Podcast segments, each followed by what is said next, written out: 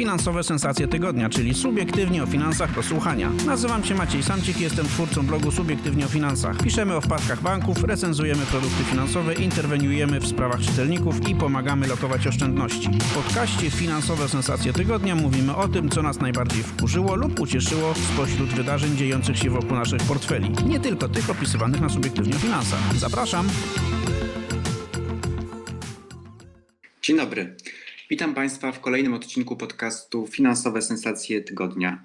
Nazywam się Ireneusz Sudak, jestem dziennikarzem redakcji Subiektywnie o Finansach. W zastępstwie redaktora, dyrektora wydawniczego będę prowadził dzisiejszy odcinek. Witam mojego kolegę współprowadzącego, Maćka Bednarka. Dzień dobry. I przedstawiam naszego gościa specjalnego, pana Adama Czerniaka, doktora nauk ekonomicznych, pracownika naukowego SGH, głównego ekonomisty polityki Insight, a przede wszystkim z naszego podcastowego punktu widzenia specjalista od rynku nieruchomości. Dzień dobry. Dzień dobry panom, witam wszystkich słuchaczy i dziękuję za zaproszenie. Bardzo mi miło. Dziękujemy, że Pan nas odwiedził. Nieustająco tematy związane z rynkiem mieszkaniowym, cenami nieruchomości i trendami na tymże rynku należą do jednych y, z najpopularniejszych, zarówno na naszych łamach, jak i, na naszym, y, jak i w naszym podcastowym eterze. Wiemy i widzimy, że czytelnicy y, bardzo się tym interesują, a my staramy się im opowiedzieć i wyjaśnić rynkowe zmiany, niuanse, trendy, ale przyznam, że niektóre zjawiska nas y, przerastają y, i trudno je y, interpretować, a mówiąc krótko, są zadziwiające. Dlatego mam nadzieję, że nasz ekspert pomoże nam je zrozumieć i otworzy nam oczy.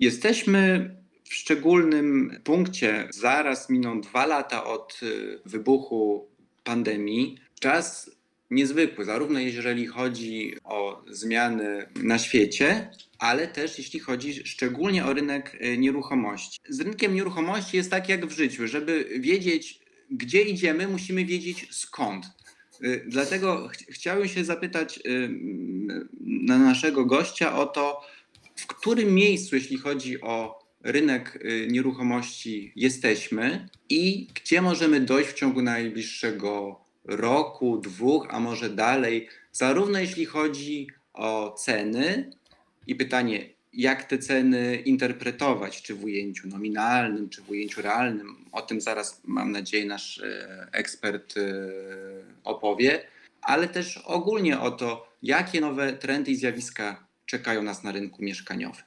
Bardzo dziękuję za to pytanie, takie w duchu konfucjańskim trochę, że najważniejsza jest droga, a nie cel. E, I faktycznie tutaj na rynku mieszkaniowym e, ta droga, czyli to jak się ceny mieszkań zmieniają, jak zmienia się popyt i podaż, koniecznie musi być rozpatrywana właśnie na takim szerszym horyzoncie.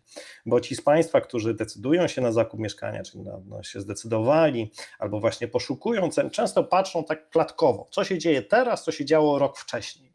A niestety, jeżeli chcemy podjąć taką decyzję w sposób bardzo racjonalny, przemyślany, to musimy się cofnąć o dwa kroki, bo rynek mieszkaniowy to jest taki dosyć nietypowy rynek, który ma bardzo długie tak zwane cykle koniunkturalne. Czyli tam wahania wzrostu cen i późniejszego spowolnienia albo nawet spadku cen dzieją się nie w perspektywie, tak jak na giełdzie, w perspektywie roku, dwóch lat, czterech, tylko tam się często dzieją w perspektywie 10-15-letniej i nie bez kozery się mówi, że takie szybkie wzrosty cen mieszkań dzieją się raz na pokolenie. Więc oznacza to, że de facto każdy kupujący mieszkanie, swoje mieszkanie takie długoterminowe na własność, spotka się w życiu prawdopodobnie tylko z jednym takim okresem szybkiego wzrostu cen mieszkań. I co ciekawe, ale do tego wątku pewnie jeszcze wrócę, zwykle będzie kupował to mieszkanie właśnie wtedy, kiedy te ceny najszybciej rosną, a to wynika z tego, że po prostu ludzie jakoś w tych samych momentach zwykle decydują się na zmiany. No ale właśnie, w którym momencie teraz jesteśmy i dlaczego tak dużo osób e, kupowało mieszkania i dlaczego ten trend e, będzie się w tej chwili, w tej chwili moim zdaniem przynajmniej e, odwracał. Więc wzrosty cen mieszkań, takie szybkie wzrosty cen mieszkań zaczęły się gdzieś w 2015 roku, a na przełomie 2017 i 2018 roku jeszcze przyspieszyły. Jak przyszła pandemia, to większość osób się spodziewało, no dobra, mamy koniec tego szybkiego wzrostu cen, w tej chwili ceny spadną, no pandemia, pogorszenie nastrojów konsumenckich, ale to się nie stało. Ceny jeszcze e, rosły dalej. Co więcej, w 2020 roku rosły nawet szybciej niż w 2000 Wynikało to z tego, że dużo osób, które zostało zamknięte w swoich mieszkaniach, po prostu musiało na te mieszkania patrzeć codziennie. Część osób zdecydowała się na jakieś przearanżowanie tego mieszkania, po prostu zmianę układu półek, szafek, książek, zmiany pokoju. Natomiast duża część stwierdziła, nie, to jest w tej chwili ten moment, e, w którym ja się przeprowadzę. Z badań wynika, e, które były prowadzone w okresie pandemii, że jedna trzecia Polaków pomyślała o tym, ok, to jest w tej chwili ten moment, żeby się przeprowadzić. Właśnie w 2020 roku taki był taki impuls do tego dała pandemia, zaskakujący, bo nie słyszałem, żeby ktokolwiek właśnie o takich um, implikacjach pandemii nam mówił. No i ten wzrost cen był. On był jeszcze dodatkowo zasilany tym, że stopy procentowe były stosunkowo niskie. Narodowy Bank Polski je jeszcze dodatkowo obniżył na czas pandemii, więc o ten kredyt hipoteczny może było nieco ciężej, bo trzeba było pójść do banku, były zamknięte banki, często się nie dało biurokracji przeprowadzić, ale ten kredyt był tańszy, więc jak już się ten cały proces przeprowadziło, to wtedy do tego banku można było trafić i ten kredyt e, dostać po bardzo niskich e, stosunkowo cenach, co napędzało, napędzało popyt. No i teraz e, dochodzimy do tego momentu, w którym jesteśmy, czyli początku 2022 roku. Ja uważam, że to jest moment przełomowy. Po pierwsze, dlatego, że tak szybkie wzrosty cen, z jakimi mieliśmy do czynienia w ostatnich latach, z perspektywy stricte statystycznej, jednym ze sposobów podejścia do analizy cen mieszkań wynika, że ten wzrost cen jest niemożliwy do utrzymania w długim okresie. Po prostu ceny mieszkań nominalnie, ale także realnie, czyli po skorygowaniu o inflację, po prostu nie mogą rosnąć tak szybko, jak rosły w e, ostatnich okresach. Zwykle po takim szybkim wzroście cen przychodzi schłodzenie tego rynku. Pytanie jest zawsze, kiedy przyjdzie schłodzenie tego rynku i jak głębokie to będzie. Jeżeli ten wzrost cen był naprawdę szybki i mocny, to schłodzenie może oznaczać spadek cen i wtedy zwykle mówimy o tym, że na takim rynku wystąpiła bańka cenowa, czyli ceny były stanowczo zbyt wysokie, e, ceny mieszkań były przewartościowane i następuje spadek cen. Na razie Zakładam, że już to pytanie się w Panu w oczach pojawia, ale jeszcze nie odpowiem, czy tą bańkę cenową zobaczymy, czy będziemy mieć ze spadkiem cen, czy nie. O tym jeszcze za moment. Ja tylko jest... może dodam, że e, prezes NBP Adam Glapiński jeszcze w listopadzie ubiegłego roku mówił, że on żadnego bombla cenowego na rynku mieszkań nie widzi. Tak, to faktycznie Narodowy Bank Polski konsekwentnie od początku lat 2000 w swoich badaniach używa sformułowania bombel spekulacyjny, bo e, słowo to przyszło do nas z języka angielskiego, gdzie jest bubble. No i bank centralny, który pierwszy zaczął zajmować tym problemem, przetłumaczył to jako bąble. Później reszta jako bańkę, ale bank centralny twardo mówi o bąblach i faktycznie prezes Glapiński takiego bąbla na rynku mieszkaniowym e, nie widzi. Wraz z resztą, nie tylko on, zresztą jego zespół analityczny także mówi, że takiego bąbla nie ma i uzasadnia to tym, że ten wzrost cen mieszkań szedł w parze z dostępnością finansową mieszkań i wzrostem dochodów. Argument oczywiście bardzo zasadny i bardzo ważny, natomiast nie jest to jedyny czynnik, który decyduje o tym, czy mamy do czynienia z bańką cenową, czy nie, bo przypomnę tylko, że w Stanach Zjednoczonych w okresie tego narastania bańki cenowej na tamtejszym rynku, czyli pomiędzy rokiem 2000 a 2004, dostępność finansowa mieszkań także rosła. Tak? Czyli tam także dochody rosły na tyle szybko, że e, ten wzrost cen teoretycznie od strony takiej fundamentalnej był uzasadniony. Więc oczywiście jest to ważny argument przemawiający przeciwko bańce cenowej, ale zdecydowanie nie jest to jedyny, bo niestety ta bańka cenowa to jest takie zwierzę, którego, e, które bardzo trudno uchwycić i ocenić, czy ona faktycznie występuje, czy nie. W gruncie rzeczy szczerze przyznam, że na podstawie całej wiedzy naukowej, którą zgromadziliśmy do dzisiaj, nie ma jednego dobrego testu na to, czy ta bańka jest, czy nie ma. Mówi się w literaturze, e, i tutaj cytuję amerykańskich profesorów, którzy twierdzą, że bańkę cenową dopiero zobaczymy po tym, jak ona pęknie. Nigdy nie jesteśmy w stanie na pewno o tym powiedzieć wcześniej. Jedyne, co jesteśmy w stanie mówić, to to, że takie ryzyko istnieje i takie ryzyko w tej chwili istnieje. Ale ucinam tutaj tę dygresję. Myślę, że do tego jeszcze tematu e, zmian cen wrócimy, a ja wrócę tego, o czym mówiłem, czyli tej zmianie tendencji na rynku mieszkaniowym. Um, uważam, że właśnie w tej chwili jesteśmy w takim okresie przełomowym, kiedy w 2011 roku skończył się ten popandemiczny czy okołopandemiczny e, boom popytowy. Jednak większość osób, które chciało się przeprowadzić, już taką decyzję podjęło. Te, które tego nie... Z... 2021. Tak, ja uważam, że wtedy już się zmieniło. Część osób zaczęła wracać do pracy, zaczęła e, wiedzieć, że zakup mieszkania daleko od miasta wcale nie jest takim najlepszym pomysłem, bo tam teoretycznie było tanie, można było dom duży kupić albo właśnie mieszkanie z pięknym balkonem i tarasem, ale jak trzeba znowu zacząć wracać e, do pracy, zawieźć dzieci do szkoły, to może niekoniecznie. Widziałem u sąsiadów czy u przyjaciółki, przyjaciela, że to wcale tak fajnie nie wygląda, więc dużo osób, tych, które nie zdecydowało się na zakup, w tej chwili z tego zakupu rezygnuje. Co więcej, e, rezygnuje nie tylko z takich powodów czysto psychologicznych, o których przed chwilą powiedziałem, ale bardzo ważnym czynnikiem fundamentalnym, zmieniającym perspektywy dla rynku mieszkaniowego i sygnalizującą odwrócenie trendu jest oczywiście polityka pieniężna. Tutaj już przywołany e, prezes Narodowego Banku Polskiego, profesor Glapiński, wraz z całą Radą Polityki Pieniężnej od końca zeszłego roku zaczęli systematycznie podnosić stopy procentowe. Przy czym to, ta systematyczność jest de facto systematycznością, której wcześniej w naszym kraju nie widzieliśmy, bo te wzrosty stóp procentowych są bardzo szybkie. Znaczy w zasadzie takie zacieśnienie polityki pieniężnej to ostatni raz mieliśmy za czasów e, profesora Balcerowicza, wtedy on był szefem Narodowego Banku Polskiego, 20 lat temu, kiedy walczyliśmy z uporczywie wysoką inflacją dziedziczoną po okresie transformacji. Od tamtego czasu Polacy byli przyzwyczajeni do tego, że te stopy procentowe raczej w długim horyzoncie maleją.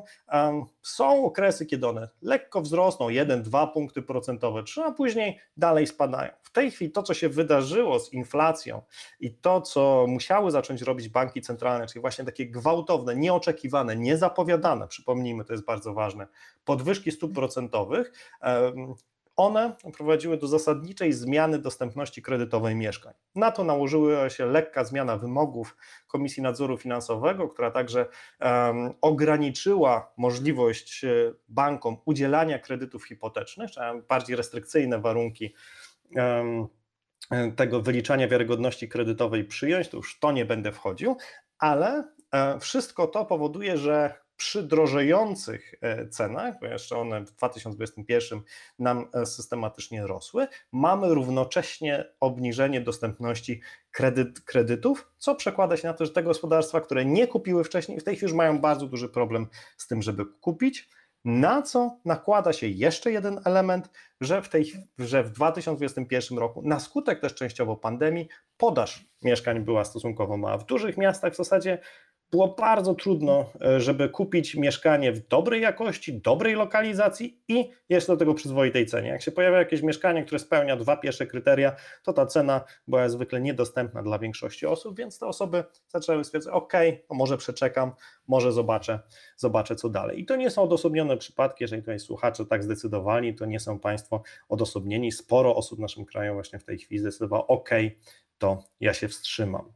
No, kolejna rzecz, która oczywiście mm, mm, wskazuje na to, że z tą zmianą trendu mamy do czynienia, jest inflacja, a przede wszystkim źródła tej inflacji, bo mamy do czynienia ze wzrostem e, de facto kosztów posiadania mieszkania na własność. Gaz, prąd, ale to nie tylko te dwie podstawowe rzeczy, które nam drożeją, drożeje nam w konsekwencji także na przykład czynsz dla wspólnoty czy dla spółdzielni, który musimy płacić, e, również na skutek polityki klimatycznej Unii Europejskiej. Drożeje nam wywóz śmieci, pewnie niedługo będziemy mieć także do czynienia z podwyżkami cen wody i tak dalej, i tak dalej. To wszystko powoduje wraz ze wzrostem kosztów kredytu, że um, użytkowanie mieszkania na własność, a tym samym także jego zakup staje się finansowo bardzo trudny do skalkulowania, zwłaszcza jeżeli ktoś chce się na to zdecydować. Żeby nie być tutaj gołoskłownym, osoba, która zaciągnęła kredyt hipoteczny w 2021 roku, będzie miała prawdopodobnie pod koniec tego roku, kiedy stopy procentowe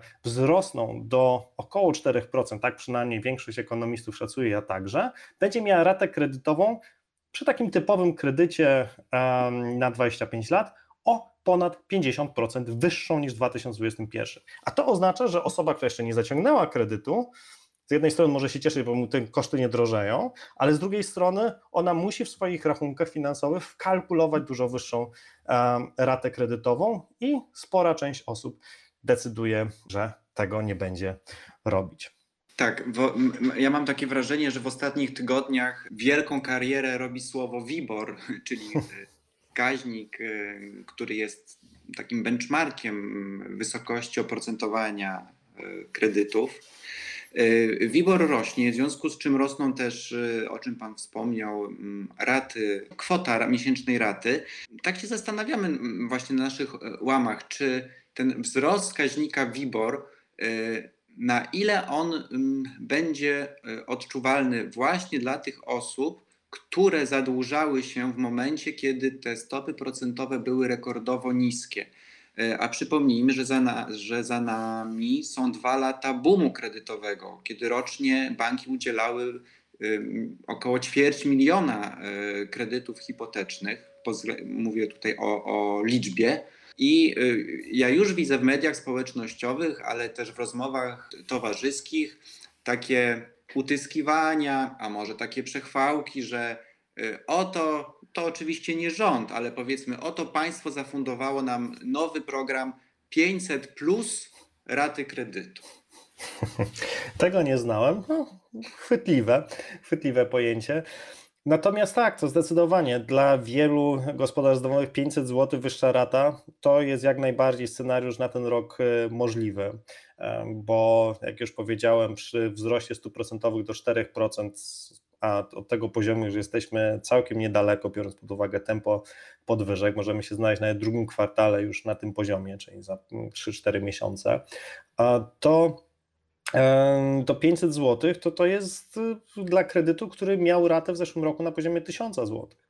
A jeżeli w tej chwili ktoś zaciągnął kredyt na 2-3 tysiące złotych, to ta kwota się pomnaża. No, 1000, 1500, 2000 przy dużych kredytach hipotecznych zaciąganych na mieszkania kupowane w najdroższych miastach, jak na przykład e, Warszawa, Wrocław czy Trójmiasto. Tam także takie ceny tam powyżej 10 tysięcy już e, występowały na przestrzeni ostatnich lat. Więc e, więc to oznacza bardzo duży wzrost kredytu. I tutaj powiem tylko jedną rzecz. Mnie i co mnie niepokoi, mm, bo to, to też może być ważne dla naszych e, słuchaczy, co mnie niepokoi, to to, że Polska niestety wyszła z okresu transformacji jako jedyny kraj, nie tylko w regionie Europy Środkowej i Wschodniej, ale w całej Unii Europejskiej, który ma praktycznie wyłącznie kredyty hipoteczne o zmiennym oprocentowaniu. To jest coś, czego w Stanach Zjednoczonych na przykład nigdy nie widzieli. Tak? Takiego, takiego tworu jak u nas, że jakiś WIBOR zmienia mi ratę kredytu hipotecznego z miesiąca na miesiąc albo z kwartału na kwartał. W wielu miejscach nawet tutaj regionu, jak Węgry, do których e, chcąc nie chcąc często się porównujemy, to nawet tam mamy do czynienia ze stałą stopą procentową, która jest stała na 5, 7, 10 lat. Tych kredytów o zmiennej stopie procentowej jest stosunkowo w całym systemie niewiele, a na pewno niewiele w porównaniu z Polską. I to powoduje, że u nas mamy do czynienia z bardzo wysoką zależnością właśnie zmian stawek WIBOR-u, czyli tego oprocentowania, po jakim pożycają sobie nawzajem banki e, i naszej raty kredytu hipotecznego. Może to niestety generować pewne problemy, bo część osób mogła nie zdawać sobie z tego sprawy, jak e, ich raty kredytów hipotecznych mogą wzrosnąć i będą mówić, co to się wydarzyło, bank mnie oszukał. No niestety bank nie oszukał, ale taki mamy system. No właśnie, no banki mają obowiązek informować o tym, pokazywać klientom symulację, y, co się stanie z ratą, jeśli stopy wzrosną czy oprocentowanie już finalne, mm, tak do 5, do 7, do 10%. Ja nawet widziałem takie no, czarne scenariusze powyżej 10% w tych, tych formularzach informacyjnych. I tutaj mm, możemy, mm, przypomnijmy tylko, że od połowy y, zeszłego roku no, banki mają obowiązek oferować y, kredyt hipoteczny o stałej stopie. Oczywiście to jest obowiązek oferowania, ale nie obowiązek jego zaciągania. Ja sobie e, jakiś czas temu szacowałem, kiedy, kiedy to stałe oprocentowanie by nam się zwróciło, w sensie, bo ten kredyt jest droższy siłą rzeczy od tego, y, jeżeli zaciągamy kredyt w danym momencie, tak, i mamy do wyboru zmienną i stałą stopę, no to ta stała będzie na starcie droższa, ale przy takim scenariuszu, że mniej więcej właśnie w pierwszym kwartale mm, tego roku stopy procentowe dochodzą do 3%, to wzięcie kredytu w połowie roku zeszłego, kiedy ten rynek był rozgrzany, już no, nie wiemy jeszcze, co się stanie tak, za, za rok, w tych, w tych pięciu latach e, w sumie spłaty kredytu o stałej stopie, ale gdyby te stopy mm, się utrzymały, to już bylibyśmy do przodu z tym kredytem o stałej stopie, plus oczywiście to, to, to bezpieczeństwo, zabezpieczenie się przed, przed wzrostem rat, no i, i, i, spokojny sen. Zdecydowanie tak. No, y, szczerze przyznam, jak patrzę w dane, to nawet część osób y, mogło przewidywać ruchy y, prezesa Glapińskiego, bo ten wzrost udziału sprzedaży kredytów o stałej stopie procentowej w 2021 roku po raz pierwszy historycznie wzrósł od poziomów promilowych do 4-5%, więc taki, taki się pojawił udział, więc parę osób stwierdziło faktycznie e, ryzyko wzrostu stóp procentowych jest duże, skorzystam z takiego kredytu o stałej stopie procentowej. No i w tej chwili faktycznie mm, są z korzyścią. Przypuszczam nawet, że te osoby, które teraz by brały przy tych ratach, natomiast to oczywiście negocjacje z bankiem chwilę trwają, ale przy tych ratach, gdyby brały teraz takie, jak one wyglądają, to też mogłyby jeszcze na takim kredycie o stałej stopie procentowej skorzystać. Tak, Problemem... tylko, że, że, tylko że banki też y, ten spread y, rozszerzają. No, oczywiście, tak. tak Im, to... im jesteśmy w sytuacji wyższych stóp, no ta różnica między kredytem o zmiennej i o stałej stopie jest, jest, jest różna. Na, na początku to był mniej więcej jeden punkt procentowy, może półtora, teraz to już dwa, dwa i pół punktu procentowego różnicy. Oczywiście, no bo rynki finansowe, na podstawie których też są wyliczane te stopy procentowe e, dla kredytów, które mają tę stopę zakontraktowaną na 5 lat, wyliczają, że stopy procentowe wzrosną do 4%, a nawet nieco więcej, więc to już jest de facto ten wzrost, o którym my w tej chwili rozmawiamy, wzrost cen obligacji, wzrost oprocentowania, on już jest w tych e, ratach o stałej stopie e, ukryty, ale ryzyko tego, że te stopy procentowe pójdą jeszcze bardziej do góry niż rynek wycenia, też, e, też istnieje i może warto się przy tym zabezpieczyć. Natomiast ja chciałem jedną rzecz powiedzieć kluczową, dlaczego ludzie tego nie robią, bo może część by stwierdzi, ok, dobra, robię, no niech będzie, trochę zapłacę więcej teraz, ale zabezpieczam się przed ryzykiem.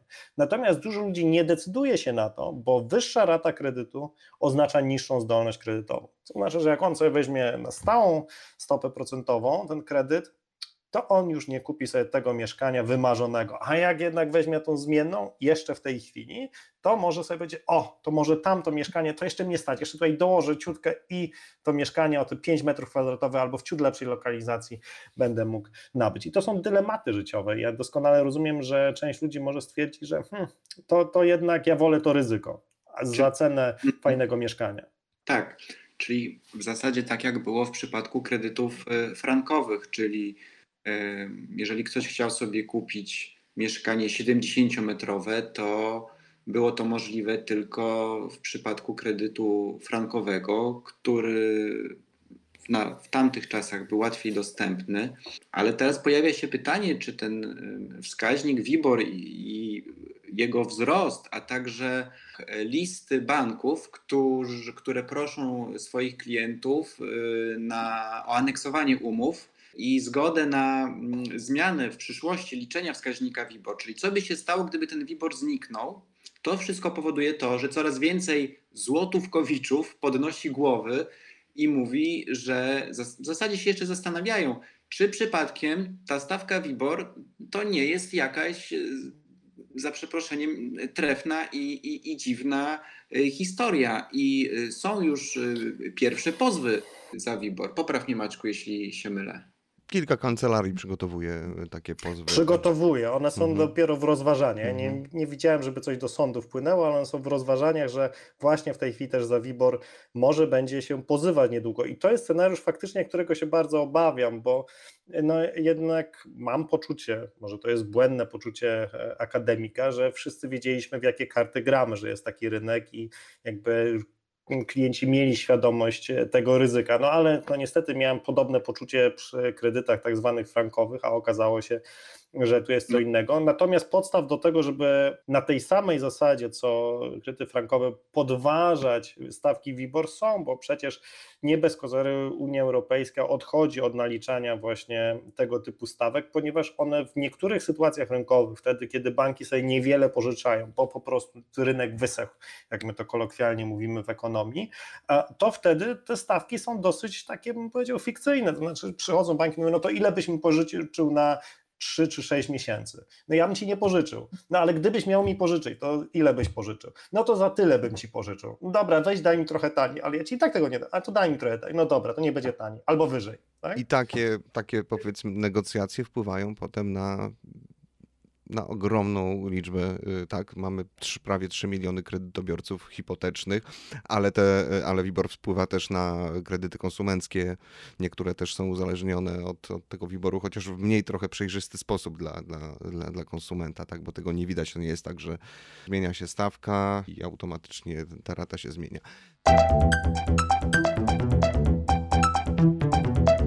Rozmawialiśmy do tej pory o problemach kredytobiorców i na ten temat, jak e, one mogą wpłynąć na rynek mieszkań, ale przecież e, rynek nieruchomości, jeśli by spojrzeć na dane dotyczące sposobu finansowania zakupów, to okaże się, że w zależności od e, metodologii, ale wydaje mi się, że większość transakcji, 70%, jeśli się nie mylę, jest finansowana za gotówkę. W związku z czym y, być może będzie tak, że mniejsza zdolność kredytowa z powodu wzrostu stawki WIBOR, y, może ona wcale się nie przeniesie na zmniejszony popyt.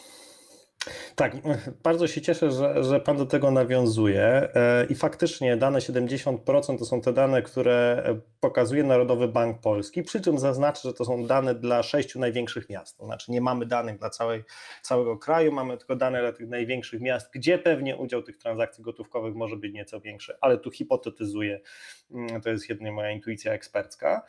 Mm, natomiast to, co jest ważne i to, czego my często nie widzimy w interpretacji tych danych, to tego, e, ile transakcji generuje jeden kredyt hipoteczny. Co ja mam na myśli? Przykładowo, weźmy sobie rodzinę, która dopiero wchodzi na e, rynek mieszkaniowy mm, i chce kupić mieszkanie e, z rynku wtórnego właśnie na kredyt hipoteczny 80%.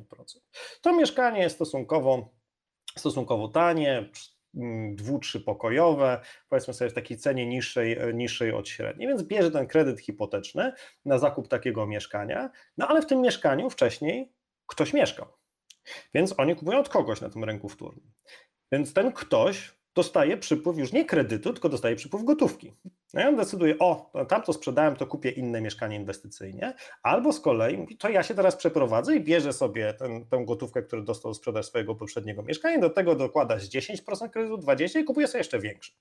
No ale też często na rynku wtórnym. I dopóki te pieniądze nie dotrą na rynek pierwotny, którego udział w transakcjach na rynku mieszkaniowym jest mniejszy niż 50%, się waha gdzieś pomiędzy 40 a 50%, no dopóki one tam nie dotrą, to one generują zakupy gotówkowe.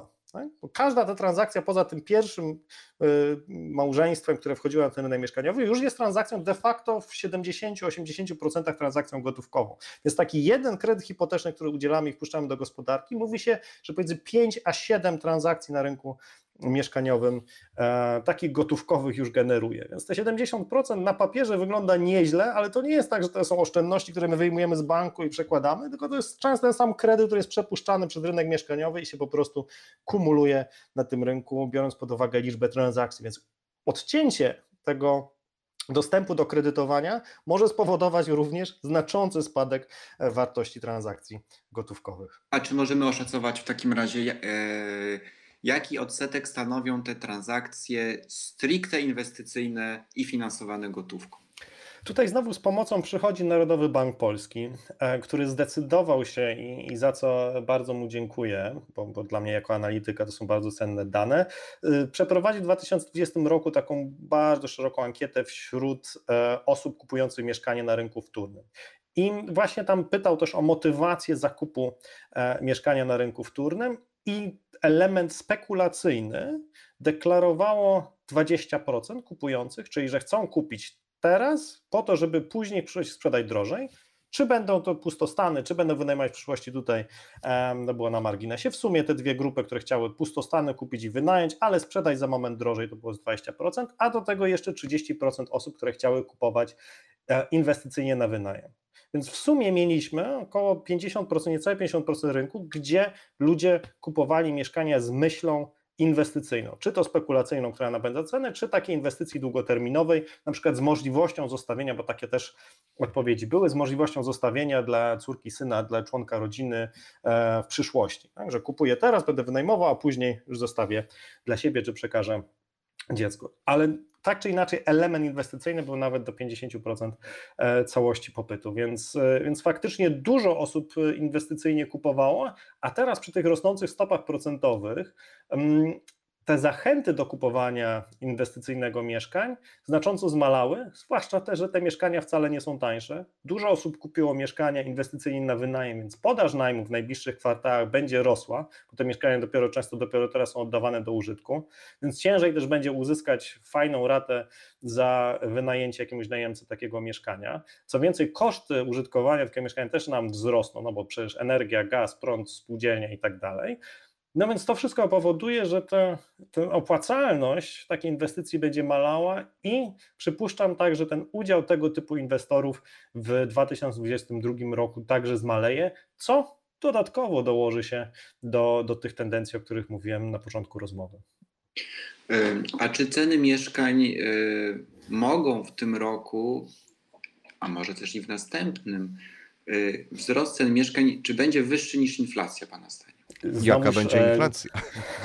Jaka będzie inflacja, dokładnie. Zacznijmy od takiego trudnego pytania. Jak...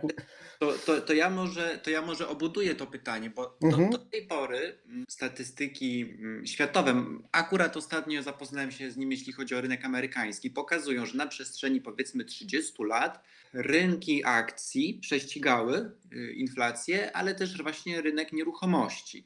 W związku z czym może jednak ten zakup mieszkania, nawet jeżeli te ceny mogą nieco spaść, może on w dłuższym terminie nie tylko, że się opłaci, ale też, że pozwoli ochronić y, kapitał przed inflacją. A mam, mam wrażenie, że właśnie wiele ludzi w ten sposób y, rozumuje. I czy ten tok myślenia jest słuszny? Ja badałem ten sam problem, co prawda dekadę temu, ale to aż tak się, tak się te mm, zachowania nie zmieniają. E, I z moich badań wynikało, że tempo wzrostu cen mieszkań nie jest statystycznie istotnie różne od inflacji. Co to znaczy? Oznacza to tyle, że faktycznie jak policzymy sobie średnią, to ona nam wychodzi powyżej średniej inflacji. Natomiast istotność statystyczna oznacza tyle, że my możemy się znaleźć zarówno poniżej, jak i powyżej. Że ten, ta średnia, która nam wychodzi dodatnie, jest zaburzana często przez jeden, dwa kraje, które miały po prostu bardzo wysoką dynamikę cen powyżej inflacji. Więc statystyka nie powie nam, że to jest prawda. Powie, że ok, jeżeli w to wierzysz, to ok, ale z statystyki wynika, że nie, nie możesz takiego takiego założenia przyjąć, że te mieszkania będą drożej. Natomiast e, też z tej samej statystyki wynika, że raczej na nich w ujęciu realnym nie stracisz. Znaczy, że jeżeli będą rosły, to raczej w zbliżonym tempie do inflacji. Więc jak mamy inflację 8%, to wcale to taki e, zły e, wzrost nie jest. No i teraz odpowiadając na pytanie dotyczące tego, czy w tym roku będziemy mieli do czynienia z, z, wzrostem cen mieszkań powyżej inflacji, czy poniżej, to oczywiście pytanie o inflację, więc, e, więc to jest jedna kwestia. Natomiast e, druga kluczowa kwestia, i tutaj chciałbym też, zanim odpowiem, ale odpowiem, obiecuję, um, chciałem powiedzieć, to to, że rynek mieszkaniowy jest jak taki tankowiec. Znaczy, on bardzo powoli się przesuwa to czasami my możemy przez 2-3 kwartały jeszcze obserwować wzrosty cen mieszkań, mimo tego, że tendencja taka trochę niewidoczna z perspektywy samych cen już się odwróciła.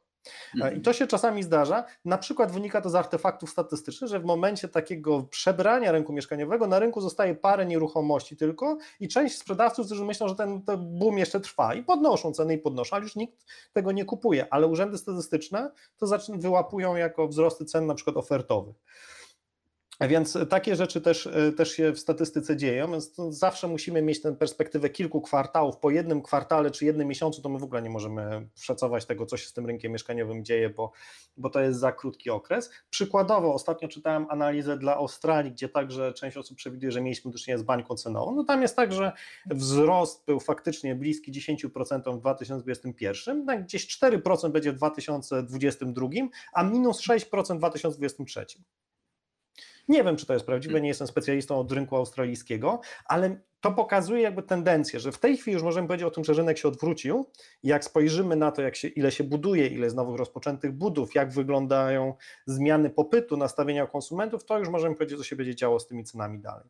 W Polsce no, moja y, hipoteza jest taka, że to zresztą wynika z tego, co powiedziałem na samym mm, początku, że skończyliśmy okres szybkich wzrostów cen, dwucyfrowych cen, że 2022 rok to już będzie wzrost cen na poziomie jednocyfrowym co najmniej, jeżeli nie będzie to e, takim początkiem wejścia właśnie w trend spadkowy cen, tak samo jak w Australii, że nie będzie to początkiem do korekty. To zależy od kilku też czynników psychologicznych, przede wszystkim e, od tego, co zrobią inwestorzy, którzy zainwestowali w poprzednich latach właśnie w mieszkania na wynajem, czy właśnie tych 20%, którzy chcieli sprzedać mieszkania spekulacyjnie. Natomiast mając to na uwadze i mając w pamięci moje prognozy inflacyjne, e, gdzie inflacja w tym roku przekroczy prawdopodobnie 7%, to spodziewam się, że będziemy na poziomie zbliżonym do inflacji lub poniżej.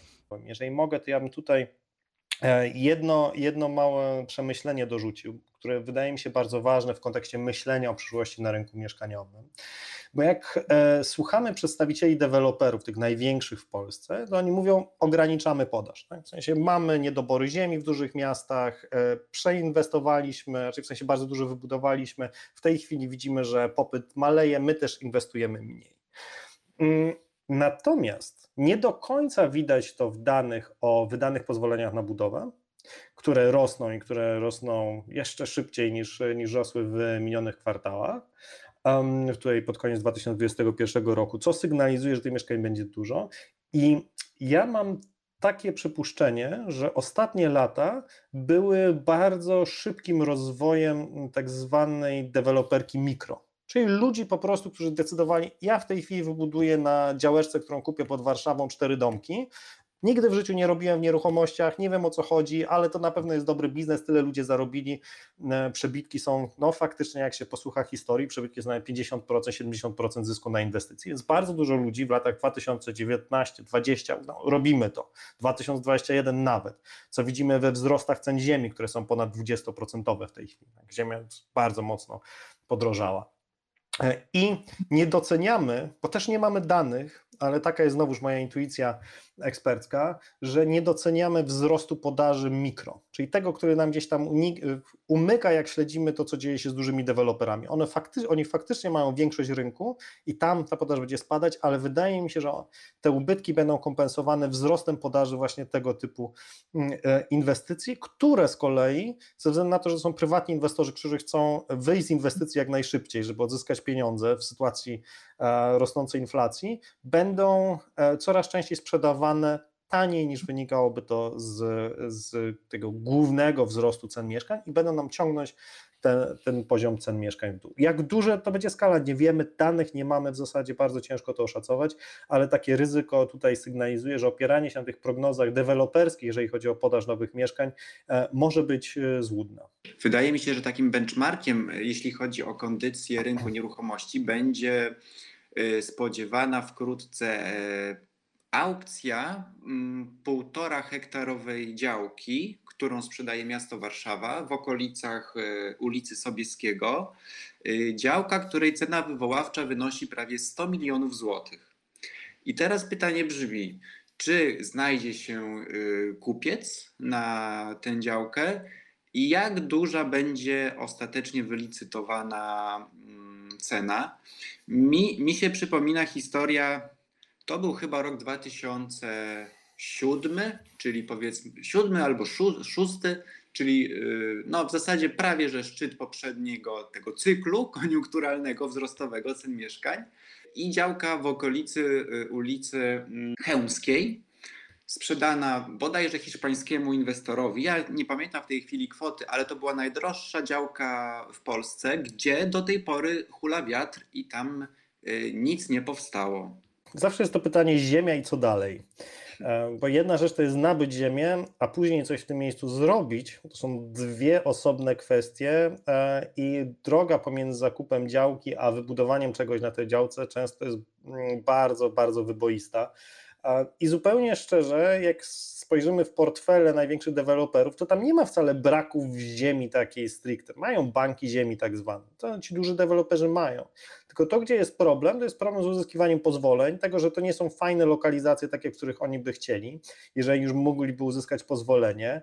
Um, I plus nie budują tam specjalnie dlatego, że koszty e, w tej chwili bardzo szybko wzrosły, a jest obawa o to, że ten popyt, zresztą całkiem słuszna obawa, że ten popyt spowolni. Więc tutaj ta podaż maleje nie tylko dlatego, że nie ma ziemi, co też jest jednym z argumentów, ale nie ma ziemi, która się nadaje do budownictwa mieszkaniowego. I teraz pytanie o przeznaczenie tej działki, o to, czy miasto e, tutaj już zapewniło możliwość wybudowania tam jakiejś nieruchomości mieszkaniowej, czy nieruchomości komercyjnej, to bardzo duże ma znaczenie dla ceny tej wołaczej, tego jak się później to dalej skończy. E, natomiast e, wracam jeszcze i to jest drugie przemyślenie w tym pytaniu, bo odpowiedzi nie mam żadnej, bo się nie mhm. specjalizuję w aukcjach ziemi w Warszawie, e, ale drugie przemyślenie, które mam przy tym pytaniu, to jest takie przemyślenie, że znowuż mamy dokładnie to, o czym powiedziałem, że w cenach my jeszcze zobaczymy wzrosty. Myślę, że ktoś taką działkę kupi i stwierdzi, będzie rosło i zakłada się z rzeczywistością, że będzie dalszy wzrost cen.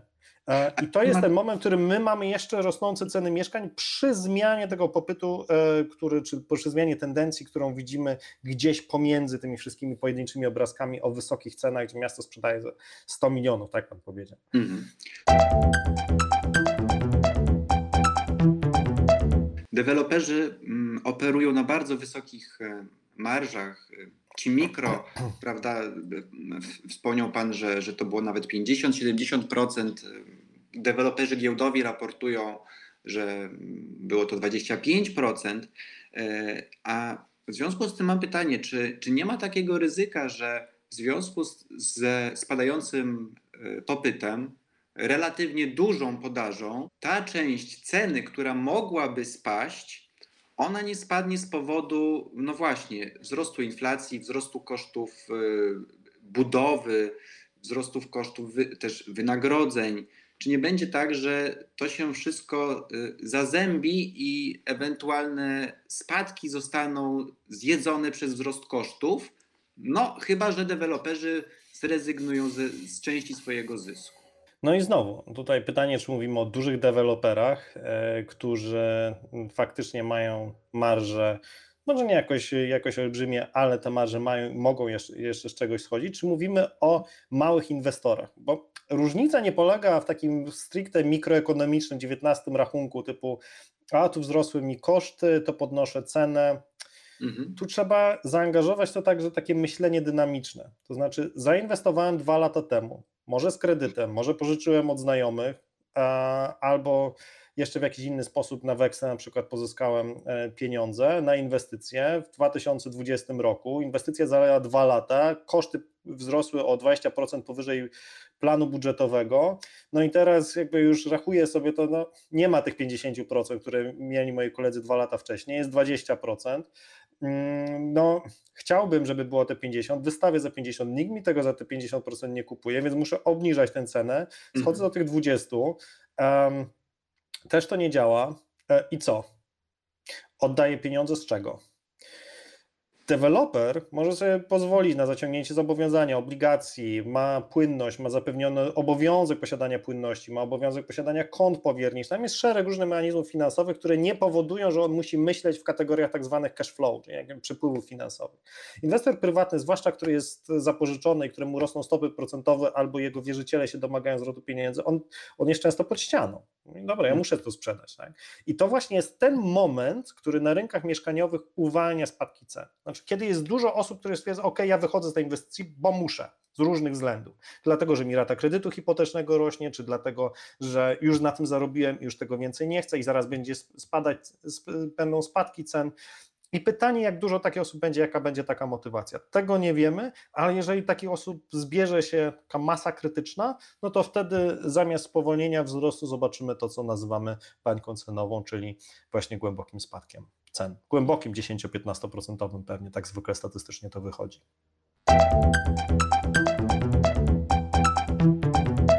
Zmierzając powoli e, do końca, mm, chciałem się zapytać jeszcze o jedną kwestię, a mianowicie mieszkania bez wkładu własnego. To jest rozwiązanie, które zostało wprowadzone w ramach Polskiego Ładu i teoretycznie będzie tak, że od maja banki będą mogły zaoferować swoim klientom kredyt hipoteczny na 100% wartości nieruchomości, a klient nie będzie musiał przynieść gotówki w ręku, nie będzie musiał e, udowadniać, że jest w stanie oszczędzać. Oczywiście pomijam tutaj dyskusję, czy taki wkład własny on rzeczywiście jest jakimś takim naszym, naszą taką rękojmią tego, że my mamy, mm, jesteśmy w stanie generować nadwyżki, bo przecież wkład własny można, nie wiem, pożyczyć, odziedziczyć. To nie jest moim zdaniem żaden dowód naszej zaradności finansowej. E, ale e, krótko mówiąc, czy mieszkania bez wkładu własnego wpłyną w tym roku na e, sytuację na rynku mieszkań i czy po prostu te, te kredyty będą łatwiej dostępne? No tutaj pan puszkę Pandoro otwarł na sam koniec, a mieliśmy kończyć. Ja tutaj w tym temacie to ja mogę z 10 minut, bo ja tego pomysłu serdecznie nienawidzę. Zupełnie, zupełnie szczerze przyznam. Z kilku powodów. Ja zajmowałem się przez wiele lat analizą właśnie procesów powstawania baniek cenowych i po prostu jak usłyszałem ten pomysł, to on mi przypomniał pomysły prezydenta Busha z początku lat 2000, kiedy właśnie też amerykański rząd zaczął gwarantować e, wkłady własne i promować udzielanie kredytów hipotecznych osobom, które nie miały e, zdolności finansowej albo którym banki odmawiały zdolności finansowej poprzez szereg instrumentów zabezpieczających, napędzając i tak już bardzo szybko rosnące ceny wówczas. E, jak po prostu usłyszałem taki pomysł, mówię, to, to jakby nie nauczyliśmy się niczego z historii. E, I tutaj się, e, Panie Reneuszu, nie zgodzę w tym względzie, że jasne, są sytuacje, w których to nie mówi nam o mhm. tym, jaka jest zdolność kredytowa, ale przy ustalaniu um, warunków udzielania kredytów hipotecznych przez Komisję Nadzoru Finansowego nie bierzemy pod uwagę pojedynczych przypadków, bo jasne, ktoś może ucierpieć, to nie, jest sprawiedliwe, to nie jest sprawiedliwy system w perspektywie jednostki, ale to musi być system bezpieczny w skali makro. I mhm. statystyka mówi nam o tym, że jeżeli ktoś nie jest w stanie zebrać tego wkładu własnego, to może mieć problemy przejściowe z regulowanie zobowiązań kredytu hipotecznego, po prostu go na to nie stać. To jest mechanizm, który wprowadziliśmy po globalnym kryzysie finansowym, który mówi, słuchajcie, musicie mieć ten wkład własny, pooszczędzajcie sobie przez dwa lata, trzy lata samodzielnie i później, ok, dobra, proszę bardzo. Jak wam się uda, dostaniecie spadku, super, no trudno, przelatują przez sito, tak? Ale to jest mechanizm, który został wymuszony e, przez nie tylko nasz, naszą regulację tutaj KNF-owską, to jest mechanizm, który został uzgodniony przez przedstawicieli nadzorów finansowych na świecie na mm, komitecie w Bazylei.